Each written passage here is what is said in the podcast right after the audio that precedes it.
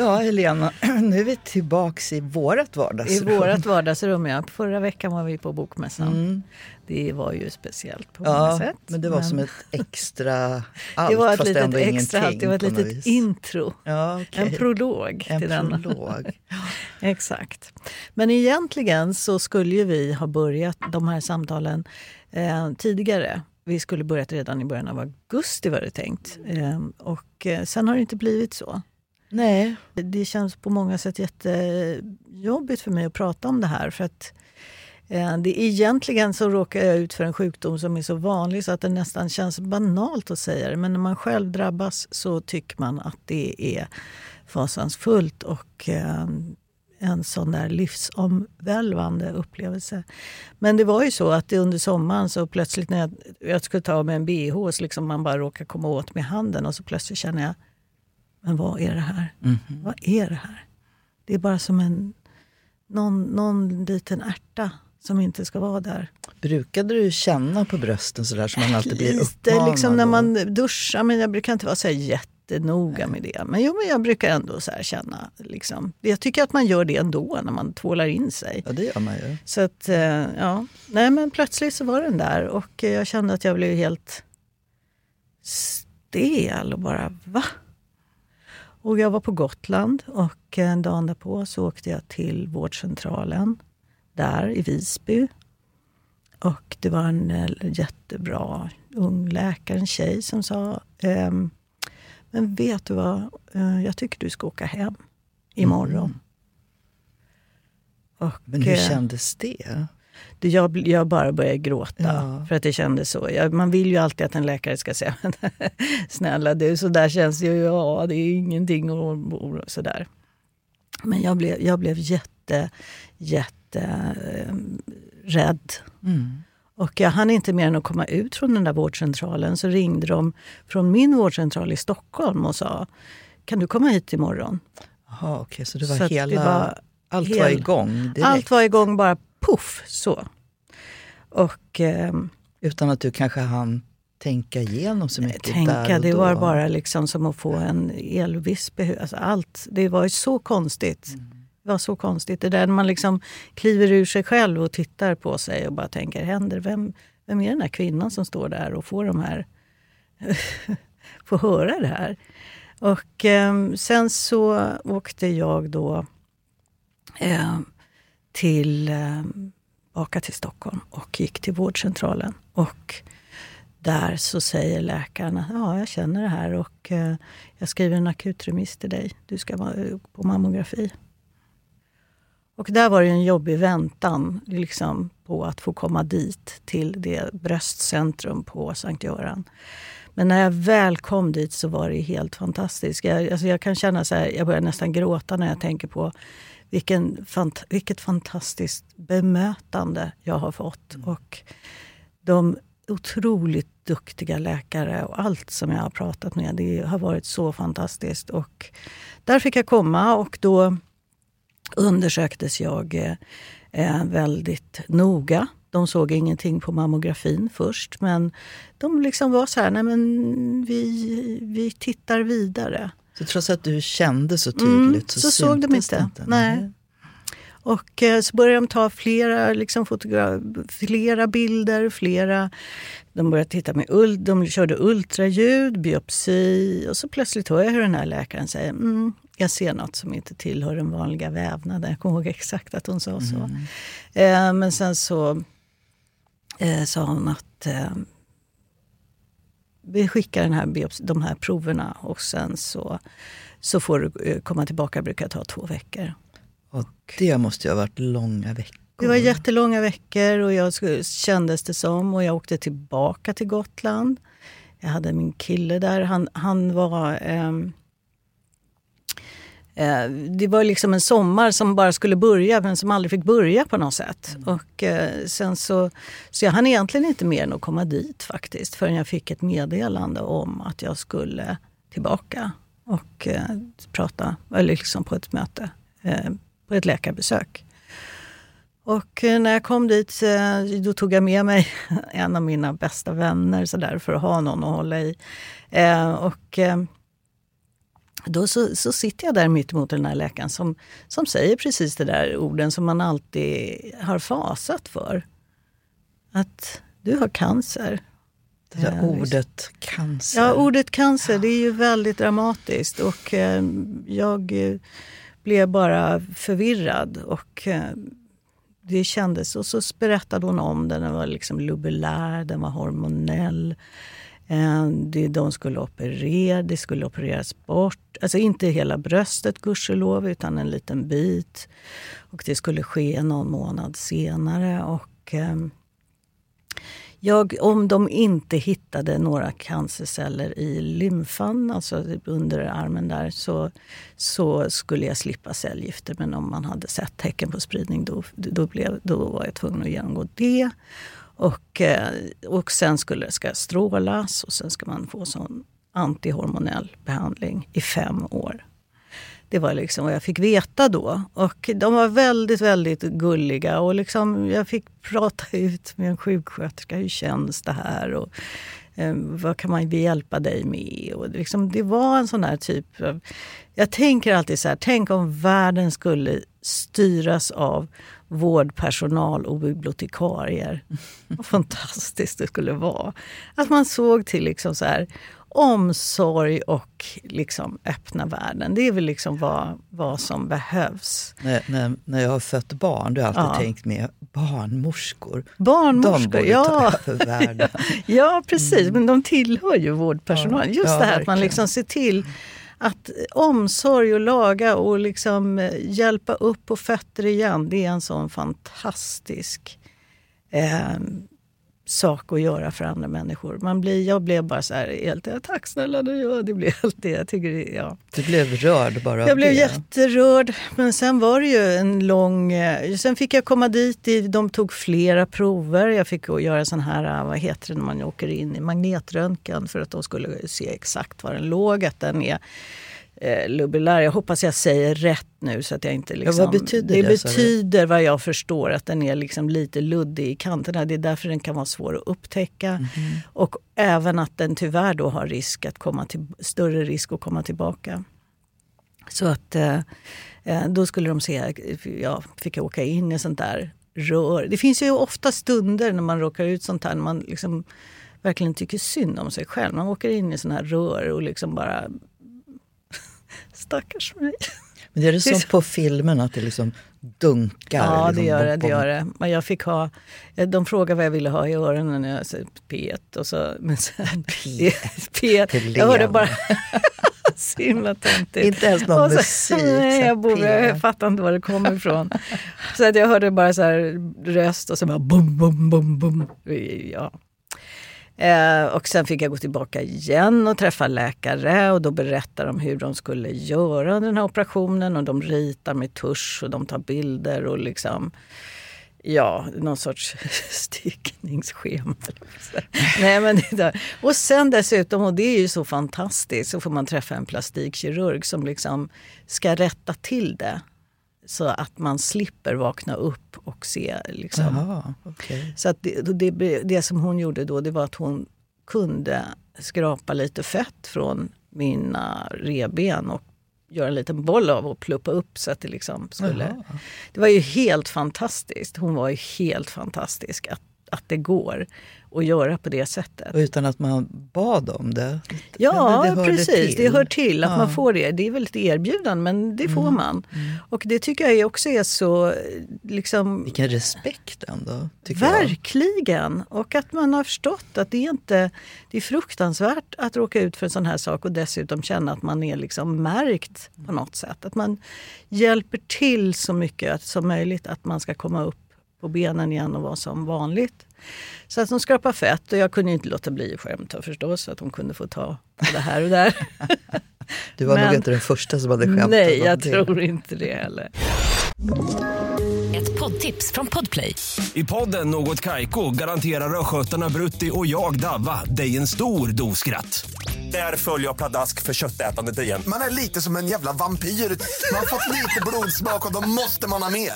Udda spaningar, fängslande anekdoter och en och annan arg rant. Jag måste ha mitt kaffe på morgonen för annars är jag ingen trevlig människa. Då är du ingen trevlig människa, punkt. Något Kaiko, hör du på Podplay. Därför är gardinerna. Um, och uh, ja, så kom då operationsdagen och uh, så småningom. Och den hade jag verkligen gått och väntat på. Bo, liksom, sett fram emot faktiskt. För att det är sån, det är sån lång väntan under den här tiden. Och jag är ju så lyckligt lottad så att jag hade faktiskt en bok att skriva under tiden. Och det var otroligt skönt att känna att jag kan gå in i en annan värld och befinna mig där. Och det är en värld jag känner som jag är uppslukad av så att jag kan verkligen vara där. Och att det kändes som att jag hade något meningsfullt att göra. Annars hade jag bara legat på soffan tror jag och sett tv-serier eller jag vet inte vad jag hade gjort. Jag har alltid undrat det, för cancer det är ju ändå ett uttryck för det finns något inuti mig som är farligt. Mm. Och när man vet att man har det och sen gå och vänta så många veckor. Mm. Just det fyller mig med att sån det där, fasa. det där var en sån konstig känsla. För att jag kände, alltså som mm, kvinna, man är ju så här, allting som är i ens kropp sen man har fått barn. Det är liksom någonting jag menar, man reagerar ju väldigt kraftigt när man är gravid också. Mm. Att det är så här, hjälp, någon, man är, någon har det är någonting som är här som inte, liksom, som inte brukar vara här. eller vad man ska säga. Så därför var det väldigt... Jag fick, kunde få såna här, och det här är ju liksom bara fantasiimpulser. Det har ju ingenting egentligen med verkligheten att göra. Men jag fick såna här fantasier kring den här knölen. Ungefär som att jag tänkte, tänk om jag skulle kunna prata den här till rätta. På något sätt. Så här, men lilla du, kan du liksom ta och du kan inte vara här. Du måste försvinna bort härifrån. Eh, men en av mina söner skrev liksom så otroligt gulligt tröst mest till mig. Han skrev så här, vet du, jag, jag, så han skrev massa saker men bland annat jag trodde inte jag skulle säga det här, men jag tycker nästan synd om cancern. För den kommer bli så fett besegrad. Och du kommer gå ifrån det här så mycket starkare. Och det var sån... Vad fint. Det var väldigt fint och det är så. Men att man har jag kände verkligen som att jag hade någon sorts eh, relation till den här otroligt märkliga lilla... Liksom jag bara kände så här, vad vill du mig? Vad gör du här? Det var också en annan känsla. Hur kom den här grejen in överhuvudtaget? Hur, liksom, vad är meningen? Vad är meningen med den här lilla tumörens liv? Jag, liksom blir så här, man blir, jag får fullt av jättekonstiga frågor i Det är också intressant för då, tumören är ju inte, den är inte del av dig. Nej. Utan den är verkligen något som har kommit Ja men på något utifrån. sätt var den ju det. Den blev ju det. Mm. Och det är också, liksom, snacka om lektion i ödmjukhet. Att någonting kommer in som man eh, inte har, alls har gett någon sorts tillåtelse eller någonting. Det är bara något som bara, nu tar jag över ditt bröst. Den där illusionen liksom, vi ofta har av att vi har sån kontroll verkligen. över saker och ting. Och ja. cancern är ju ändå ett bevis på, nej. Nej, det, jag har ingen som helst kontroll Det är inte bara vad jag gör och inte gör, utan nej. det händer. Precis. Och det var, ja, men sen i alla fall så opererades jag och det var, då tyckte jag också... Man liksom åker in i operationssalen med en så här, som, med armarna rakt ut, så ungefär som att man som, som liksom man skulle... Ja, Korsfästelse väntar. Och man ligger där och man tittar. Och också hela den här riten innan man ska opereras. Att man ska tvätta sig noga både kväll, morgon och äh, kvällen innan och på morgonen. Man ska inte ha någon smink, man ska ta bort alla sina smycken. Man ska liksom göra, man ska komma dit som, som en så liksom, som en nyfödd och så, liksom, så, här, så identitetslös som möjligt. Det var också väldigt speciellt. Och så ligger man där. Och då tyckte jag faktiskt också synd om mig själv. Jag kände mig så, alltså verkligen så här, gud vad jag är ensam i det här och vad jag är övergiven i det här på något sätt. Det finns ju liksom, även om jag inte var det, jag hade ju människor, jag har ju människor omkring mig. Men uh, så kändes det. Och uh, Eh, ja, så och då kom det en sån här också, man blir så här, en, en narkossköterska som var så här, jag ser att du är lite rädd. Det här ska gå bra. Vi gör det tillsammans. Du kommer inte känna ingenting. Och jag bara, och sen, ja. sen vaknade jag. Och eh, då gjorde det ont och eh, jag ville på något sätt inte vakna. Det var också en väldigt konstig känsla för att det var så här, jag är jätteglad att det här är över men vad ont och vad skavigt och vad jobbigt. Och liksom, jag kände mig så otroligt dränerad på allt kraft och allting. Så att det var så som att men jag orkar inte den här vardagen som plötsligt väller in över mig. Det var också så att innan så har man varit så här, sen ska jag opereras och då ska den ut. Och att man liksom inte föreställt sig att sen kommer liksom en lång Nej. vardag med sår. Och... Fram till operationen då var det så här, besök, Exakt. träffa läkare, torsdag klockan två, så här, planlagt, så. kontrollerat ja. och sen, sen? Ja. Och sen då? Sen då? Exakt så var det. Hur, hur är det nu, höll jag på att säga? Är du fortfarande i den um, känslan? Ja, nej, men sen dröjer så får man träffa en onkolog och bara det ordet tycker jag är ett monsterord. Jag har varje gång gått in i sjukhus och bara nej dit ska jag inte. Men nu skulle jag dit. Och um, ja, nu, ska, nu har jag, jag är ju mitt uppe, eller jag har inte egentligen påbörjat efterbehandlingen. Jo, lite. Ja, man får ta då antiöstrogen som det heter och i fem år ska jag göra det. Och strålas och det har jag alltså inte börjat göra än. Och varför får man antiöstrogen? För att den här cancern lever på östrogen. Det är hormon, det var det, det du hormon. sa innan. Ja, okay. exakt.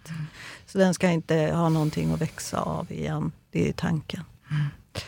Och eh, ja, så nu, nu känner jag liksom... Jag önskar att jag kunde säga så här. Åh, vad jag är klok. Vad klok jag har varit, blivit av det här. Jag vet inte om jag har blivit det. Det är liksom, på något sätt ingår det i den här berättelsens upplösning. Att, att eh, man ska liksom komma ut på andra sidan och vara förädlad av sitt eget, sin egen chock eller sin eget lidande. Det känns ju svårt att säga lidande, för så mycket har jag kanske inte lidit. Jag ja. menar, jag har inte haft jätteont. Jag har inte liksom... Jag har blivit rädd och eh, omtumlad, men liksom, ja. Har du blivit mer rädd för döden?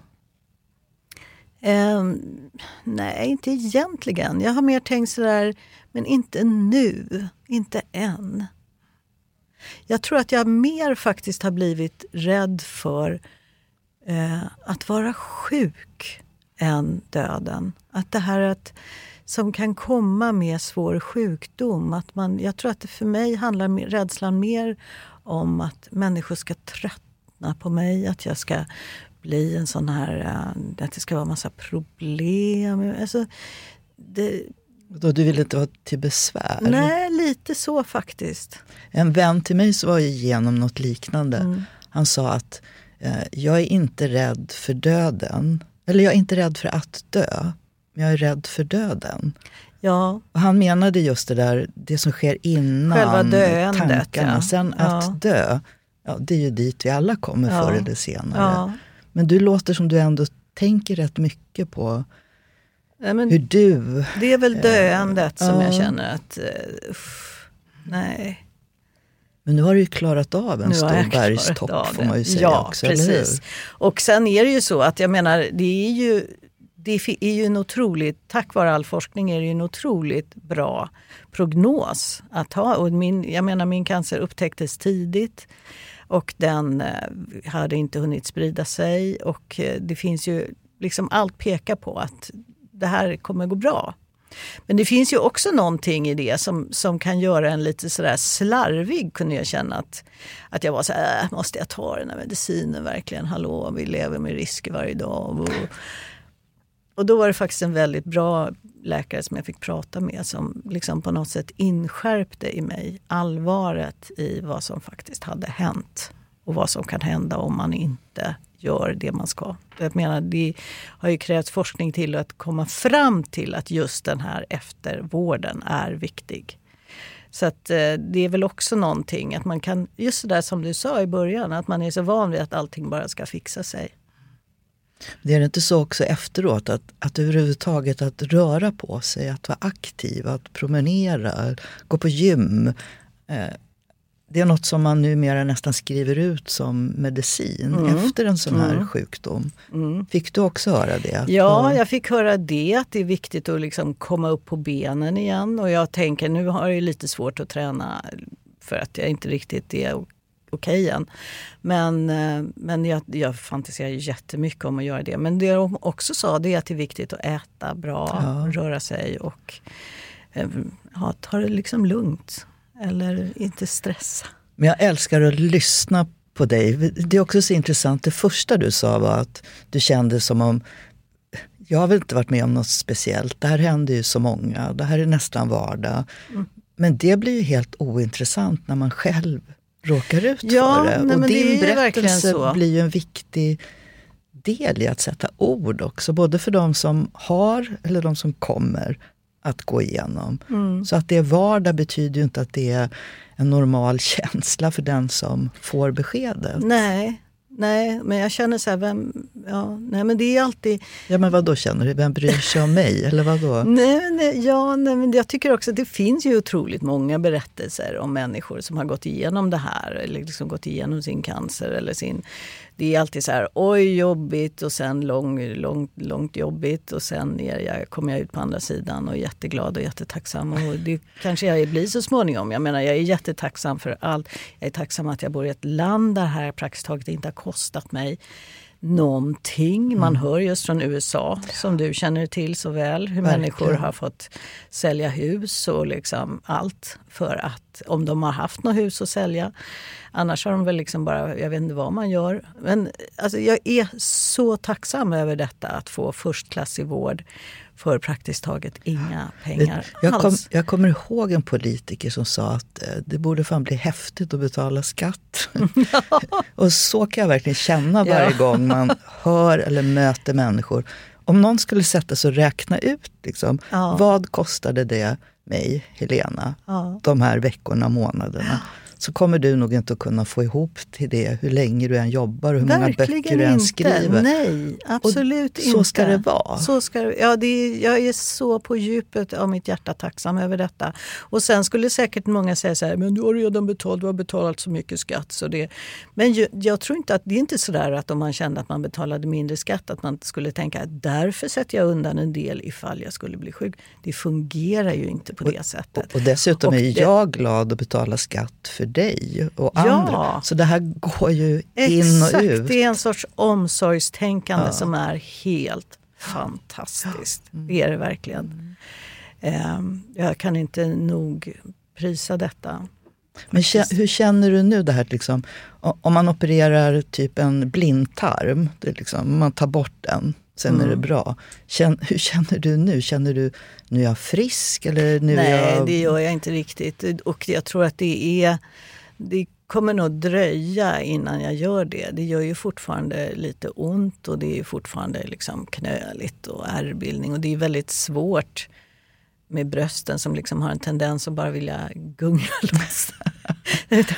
Här. Jag menar till skillnad mot olika andra snitt man gör så är det här en ganska rörlig kroppsdel och dessutom väldigt privat. Och alltså så förknippad med kvinnlighet och eh, ja, det, det, på det många sätt så, där, så känns det som en attack mot ens innersta privata. Då måste jag fråga också, för du går med de här mycket tankar gissar jag, fram och tillbaka. Ångest, glädje, fram och tillbaka. Och så sitter du ner med några kompisar så berättar de ah, det var så jobbigt på jobbet igår och vi fick jobba en timme längre. Och känner du ibland då så här, vad ointressant. Eh, Ja, för samtidigt så kan jag känna så här. Jag, jag märkte att jag ofta sa till människor under den här perioden, men hur har du haft det? För att jag ville höra om annat. Det är så mycket eld i huvudet kring det här. Och dessutom så kunde man känna, min första spontana känsla det var också så här, det var också att ehm, jag kommer inte orka prata. Dels en spontan känsla var, det här orkar inte jag säga till någon. För att jag tänkte, jag vill inte vara en sån där som man pratar om och har hört om henne, vad som hände Nej men, åh, jag tänkte just det där uttrycket kaka till kaffet. Jag vill inte vara en kaka till kaffet.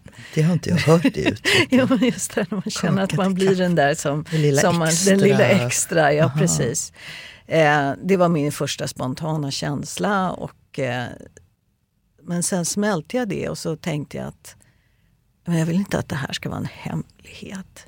Jag vill inte heller vara så där att det ska bli för stort heller. Eller att jag ska ingå i det här gänget av sådana som berättar om sitt... eh, Det finns ju, det är nästan utvecklat som ett speciellt en narrativ är så töntigt ord, men vad ska man säga? En sorts eh, mönster på berättandet om Ja. sånt här, såna här saker som sprids. Jag hörde finns- det en del om sommar, Ja. sommarpratarna. Ja. Att om man inte har haft en stor kris så vart Ja. igen, har man inget att berätta då. Liksom. Så, det att kan jag förstå. Ja, precis. Så att jag, det, det, allt det där det känner jag att jag drar mig för det. Men nu känns det okej eller? Nu känns det okej. Och jag kände så här, gud vad jag har pratat Mona. Det kändes som att man bara liksom tryckte på en knapp. men du fick det- inte en syl i det vädret. var väl inget ovanligt? det, var, det var på något sätt skönt att bara, Ja. jag berättar, så här var det. Så. Ja, men det är också härligt, inte bara att lyssna på det utan också se på det. Att du, du är okej. Du har varit med om mycket men det glittrar om ögonen när du berättar. Nej, Och men det tyck- jo, men det... Ja, nej, men så i alla fall. att Det, höra och ja, se. nej, men då är det så här nu. Och då blev mitt liv så här, att jag fick vara med om det här. Och Mm. det är ju...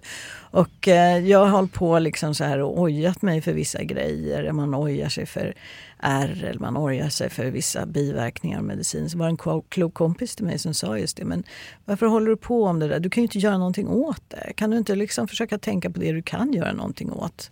Träna eller vad, vad det nu kan vara. Liksom. Det var ju väldigt klokt sagt. Mm, mycket. Ja, för det. Men nu, nu har jag pratat nästan hela vår tid. Kan inte du berätta någonting om din sommar, Mona? Ja, det känns det som om, jaha, vad ska jag säga? Men alltså, min sommar har varit bland de bästa somrarna på evigheter. Jag, jag har ju familj i USA och under de här långa, långa pandemiåren, de var ju väldigt extra långa i USA för de var ju liksom extra noga med att inte släppa in någon eller släppa ut någon.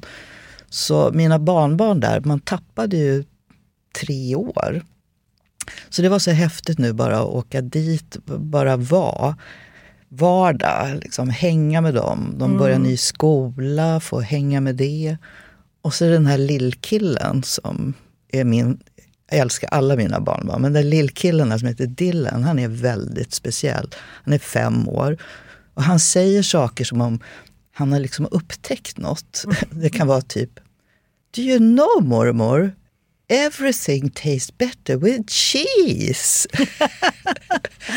och när vi var och badade i en pool, då kunde han säga så här. Do you know mormor? When I sit on a pink flamingo, everything is funny.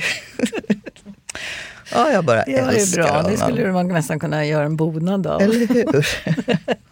Men det har varit så häftigt med. Ja. Det har också varit mycket, apropå det vi pratade om innan, Ann-Sofies svärfar. Eh, en mäktig, fantastisk herre som blev sjuk. Eh, och de hade ju då en försäkring eh, som täckte då sjukhusvistelse, boendevistelse, sjuksköterska som kom hem. Alltså fasansfulla kostnader. Och hade inte de haft de försäkringarna då hade ju allt hängt på hans fru som inte heller var en ungdom. Så det var så mycket som man tänker runt. Vad, vad gör det möjligt att leva ett tryggt och, och fint liv?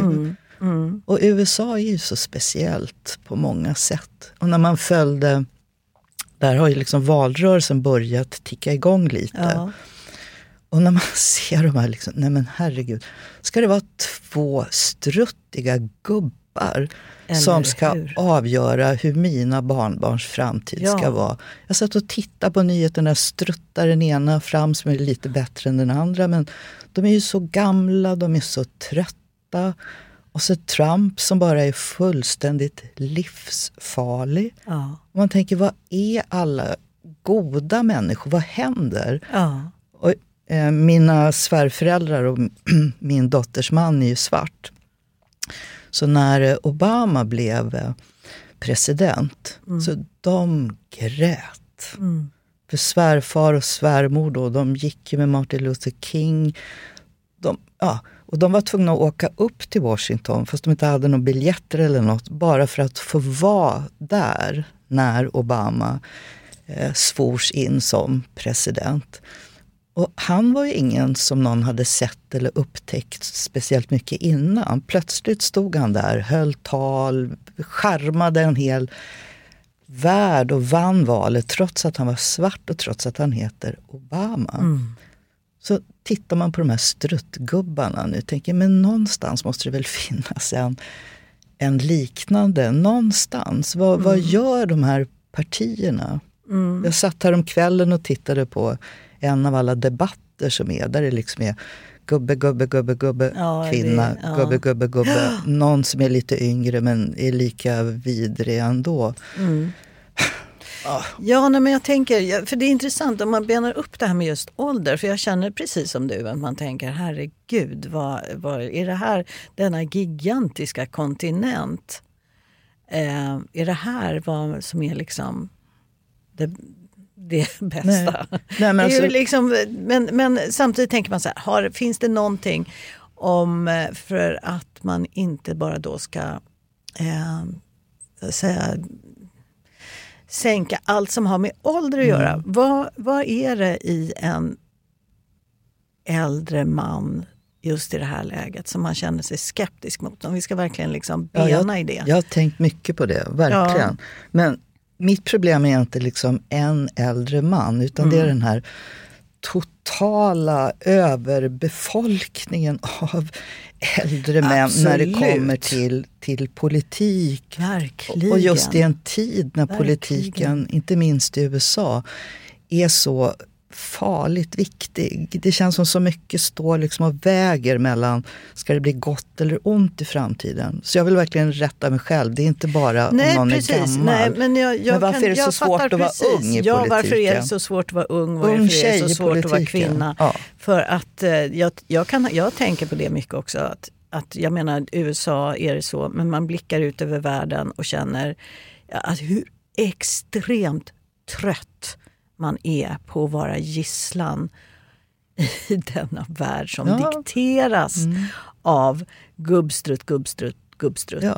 Ja, men verkligen alltså gubbstrutt. det, är, och det, här, det här kan man ju säga hur många gånger som helst, men det är verkligen så. Erdogan är en annan gubbstrutt. Verkligen. Ja, ja. Men det är ju Och sen någon- har vi några österut. Ja, de, tyvärr, de finns ju överallt. Överallt. Men det är det som är så, jag kommer ihåg eh, valrörelsen när eh, första, när Trump vann. Då var det emot Hillary Clinton. Så, då är de två som Ja. kämpade. Ja. Och då fanns det en av de här vidriga programledarna på Fox News, som för den som inte vet är en väldigt konservativ nyhetskanal, för att uttrycka mig milt. Då. Och han sa om Hillary så här att Ja, vi får verkligen inte hoppas att hon vinner. För vem skulle stå ut med att se en kvinna åldras varje morgon när vi sätter på tvn? Och då, då är det någonting med, det är inte bara att bli gammal, utan det är Nej. också att bli kärring. Ja. För det är någonting annat när en man blir gammal så har han, han har ju trots allt erfarenhet och han har ju trots allt varit med länge. Så låter det ofta. Ja. Medan kvinnor blir ju bara kärringar. Men, men det är också med ålder att när Ingvar Carlsson bestämde sig för att han skulle avgå, då var han 65. Och då tyckte han, nu räcker det. Ett poddtips från Podplay. I fallen jag aldrig glömmer djupdyker Hasse Aro i arbetet bakom några av Sveriges mest uppseendeväckande brottsutredningar. Går vi in med hemlig telefonavlyssning och, och då upplever vi att vi får en total förändring av hans beteende. Vad är det som händer nu? Vem är det som läcker? Och så säger han att jag är kriminell, jag har varit kriminell i hela mitt liv men att mörda ett barn, där går min gräns. Nya säsongen av Fallen jag aldrig glömmer på Podplay. Nu har jag varit med så länge, nu vill jag göra något annat med mitt liv. Och jag vet då, för jag var ju partisekreterare då, hur många som ringde och sa utifrån världen, eh, är han sjuk? Eh, är det en, en skandal? De kunde inte förstå att någon bara avgick sådär alldeles själv. Nej. För att det fanns något annat utanför politiken. Och det är också någonting att fundera över tycker jag. Vad, vad makten lockar och drar trots allt annat som kan hända i livet. Jag såg en film som just har fått premiär här i Sverige om Golda Meir. Jaha. Golda Meir. Meir, ja. Meir, Meir. Eh, där, eh, Berätta vem hon är, för det tror jag inte alla hon var vet. premiärminister Precis. i eh, Israel. Israel, ja precis. Och den här utspelas under, eh, vad kallas det? Inte sexdagarskriget, det som Jom Kippur, exakt. Ja. Jom Kippur-kriget var det, för att det var då de anföll under Israels... Och då är vi på 70-talet. Det handlade just om henne, en åldrande och döende politiker. Och hon satt ju och blossade och klamrade sig fast vid makten till, till the bitter end, verkligen. Och, ehm, men i hennes fall, jag vet inte. Det är... Det som man måste lägga till tror jag när det gäller Israel och Golda Meir, att Israel eh, kom ju till efter andra världskriget. Då är vi en bra bit in på 40-talet, slutet på 40-talet. Så det här är ju bara 30 år senare. Eh, och de personer som liksom var med och byggde upp Israel och, och försökte ena, och de gjorde mycket som inte var trevligt heller, för Nej. att uttrycka mig milt. Ja. Men personerna som Golda Meir, hon var ju mer än en person. Hon Ja. symboliserade på något vis allt som gjorde Israel möjligt att existera överhuvudtaget. Ja. Och då höll Hur hon sig då kvar. menar du? Hur personifierade hon det? Därför att hon var med Mm. när Israel bildades. Hon var med och tog de där stegen, hon var med och försökte få alla dessa olika folkgrupper. Hon var en person som var mer än premiärminister. Hon var Israel. Så ser jag på henne när jag Ja. tänker tillbaka på... Nej, men att jag tog upp henne i det här sammanhanget det var just det här som vi pratar om, åldrande politiker. Och man har ofta pratat om landsfader och ibland och mer sällan om landsmoder. Men att man har upplevt ibland någon sorts trygghet i det här att det är samma person om och om igen. Eh, som att man liksom vill var- ha en sorts förälder. Ja, Och men det var lite det jag for efter, för det, det hänger ju på vilket land och vilken situation. ja, förstår du? Ja, verkligen. Eh, där jag tror Israel hade mer behov av, Mm. eh, precis som på många andra håll, men i rena demokratier rakt Mm. av, så söker man ju inte bara efter en person. Utan Nej. där är det, vi är fortfarande, och jag hoppas det förblir så ett tag till, att politiken inte bara är att lita på en person Mm. utan att det också hänger på vad vill de, vad står de för, vad tror de på. Eh, och det känns som det vore en ynnest att få fortsätta leva i ett samhälle där politiken är större än personen. Mm. Så är Verkligen. det inte i USA. Nej, Det är därför gubbstruttarna struttar vidare. Ja, det är ju jättemärkligt att eh, se de här äldre männen. Och, eh, De har något så märkligt i USA med när de kommer åkande världen över i stora Air Force One, jätteplanet och landar. Så ska de ju, framförallt när de ska åka därifrån, så ska de liksom springa hurtigt upp för trappan. Det är här löjlig ja, grej. ja. Och det går ju inte så bra. Nej, men det, man riktigt ser hur någon har sagt till Biden just att eh, spring gärna upp på scenen eller hoppa av. Eller liksom att han hela tiden ska markera någon typ av Ja. ungdomlighet. Ja, och då märker man bara struttigheten mera tycker jag. Verkligen. Är, han är Det- fortfarande en fantastiskt intressant politiker Biden när man Ja. lyssnar på honom. Han Ja. har ju en enorm erfarenhet, jobbade ihop med Obama under alla år som vicepresident. Mm. Men som sagt, det är liksom den här totala massan struttgubbar Mm. som jag inte kan sluta bara bli mer och mer bekymrad över. Men har du gått omkring i USA nu i sommar med liksom fingret i luften och känt var, vart blåser det här?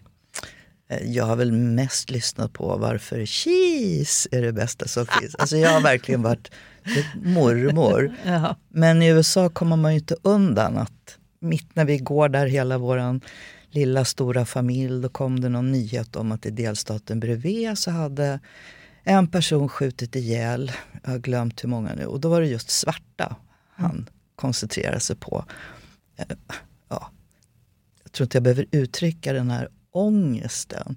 Att saker och ting inte bara är något att bli upprörd över utan där går det liksom två små ungar. Ska de behöva känna att de är illa ute bara för hur de ser ut? Eh, Och, och den typen av iakttagelser har ju tyvärr blivit mer och mer i USA.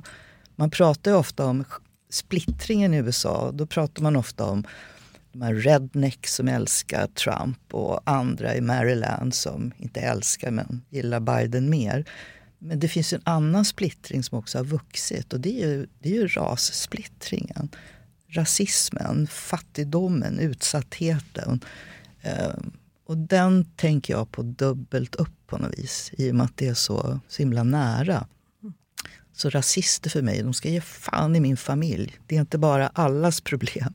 Det Nej. blir också en mormors Ja. problem. Men annars så har vi bara ah, mys tillsammans. Vi bilade ner. Först min dotter sa, men då ska vi bila? Det tar sex timmar att åka ner. Vi ville ner till North Carolina. Och då sa vi, men snälla Ann-Sofie, du ser det som bilar. Vi vill ut på en roadtrip. så vi bilade ner till North Carolina, en liten stad som heter Beaufort. Eh, Där det finns något som heter Outer Banks. Det är liksom sandöar som ligger liksom i vågor och ramar in den här lilla staden. Och på de här sandbankarna där finns det vilda hästar, det finns krokodiler, massa sånt också. Men alltså, mitt i USA så finns de här helt orörda, helt fantastiska områden med sån historia med, med kolonialisterna från England och Spanien och Frankrike som fortfarande präglar ju varför det heter Beaufort. Det är ju lätt att räkna ut. Men där hängde vi och ja, bara låtsades för tre veckor att nu är familjen så här. Ja. Och det var underbart.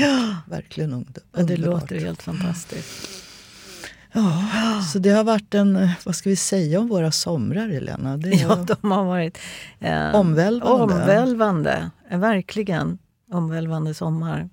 Och jag bara älskar att nu är sommaren över, det älskar jag inte egentligen. Men när man Nej. sitter så här med dig, nu är vi på gång igen. Nu är vi på gång igen, ja exakt. Och det känns Och vet så du kul. vad det bästa som eh, jag tycker vi har sagt här idag, Nej. eller som har sagts här idag, är att om man sitter på en rosa flamingo så är allting så väldigt mycket roligare. Exakt.